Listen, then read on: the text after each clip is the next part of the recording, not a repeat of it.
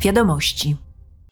Podczas wczorajszego posiedzenia Parlament Europejski przyjął rezolucję, w której wezwał Unię do wspierania demokratycznej opozycji w Rosji.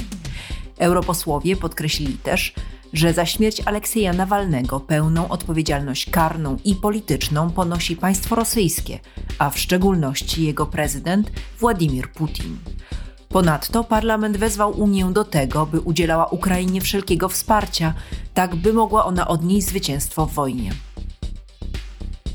W Strasburgu europosłowie przyjęli nowy wykaz przestępstw przeciwko środowisku i grożących za nie kar.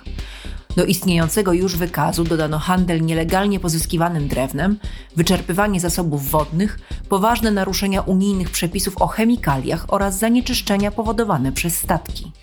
Osoby fizyczne będą podlegać karze do 10 lat pozbawienia wolności.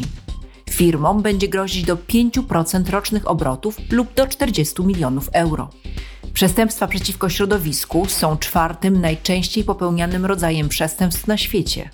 Są też jednym z głównych źródeł dochodów przestępczości zorganizowanej, obok handlu narkotykami, bronią i ludźmi. Każdego roku na drogach Unii ginie ponad 20 tysięcy osób.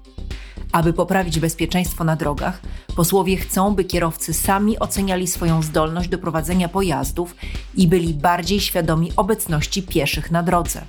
Zaproponowali też wprowadzenie praw jazdy na smartfony.